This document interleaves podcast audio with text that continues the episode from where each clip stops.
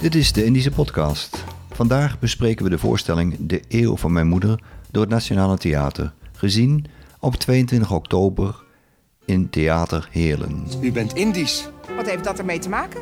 Wij waren geen vluchtelingen, maar repatrianten. Verloren gewaande kinderen van het vaderland. Too short, too skinny, too smart, too shy, too loud, too lovely, too long, too light, too fat, too funky, too fresh, too fly, too too bitchy, too brown, too bright. Dus je man zit in de horeca. Oh, het is mijn man nog niet. Oh, schrik je ervan? Zo fucked up. Jullie zijn echt helemaal gek. Die zegt echt alles wat in haar kop opkomt.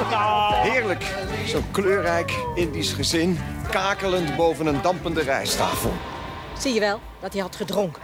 Leg hij. Salute! Menselijk niet in Ik wilde er zo graag bij zijn vandaag. De slotscène slaat in als een bom.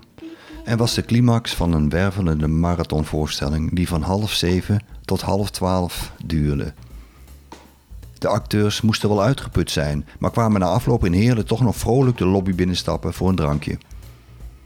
In de laatste minuten van de eeuw van mijn moeder, van Erik de Vroet, zit zoon Ramses, gespeeld door Bram Koopmans, en moeder Winnie, Esther Geldwacht, tegenover elkaar in Toko Surabaya. Het is de apotheose van een lange theateravond, iets te lang als je mij vraagt, waarin het kind vraagt of zijn moeder hem eigenlijk wel wilde. Ze zegt dat hij enorm krijste, helemaal onder de rode vlekken zat en de huidschilfers in het rond vlogen. Maar heb je mij dan tegen je aangehouden, gekust en gewiegd? vraagt Ramses.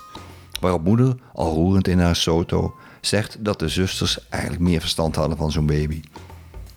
Tot die tijd blijft in het midden wat de hoofdrolspeler nu eigenlijk van zijn moeder wil. Heeft hij last van een transgenerationeel trauma? Zou kunnen. Moeder maakte immers als kind de pleziertijd mee. Worstelt hij met zijn Indische identiteit? Niet echt. Of is er sprake van een Oedipuscomplex? We worden een avond lang geconfronteerd met ingewikkelde familieverhoudingen, telkens met Indië als decor.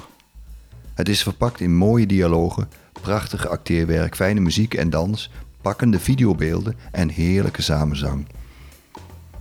Maar hoe Indisch is dit stuk eigenlijk?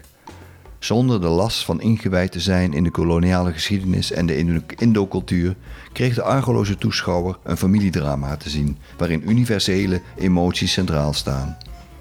Schuldgevoelens, jaloezie, nooit opgehelderde gebeurtenissen, verdeel en heers, maar ook overweldigende liefde. Het zat allemaal in deze voorstelling. Toch wordt de eeuw van mijn moeder gelabeld als een verhaal over wortels en afkomst, over het overdragen van een Indisch trauma. En over voormoeders natuurlijk, Indische voormoeders, die momenteel wel erg in de belangstelling staan. Wat is dat toch? Is er sprake van een hype, aangejaagd door wat hoofdrolspeler Winnie treffend zegt, de identiteitsmafia? Het lijkt erop dat je zonder die identiteitsvraag te hebben beantwoord niet meetelt. De eeuw van mijn moeder is nog te zien tot en met 6 november in diverse theaters. Ga naar de website van het Nationale Theater www.hnt.nl voor de speellijst.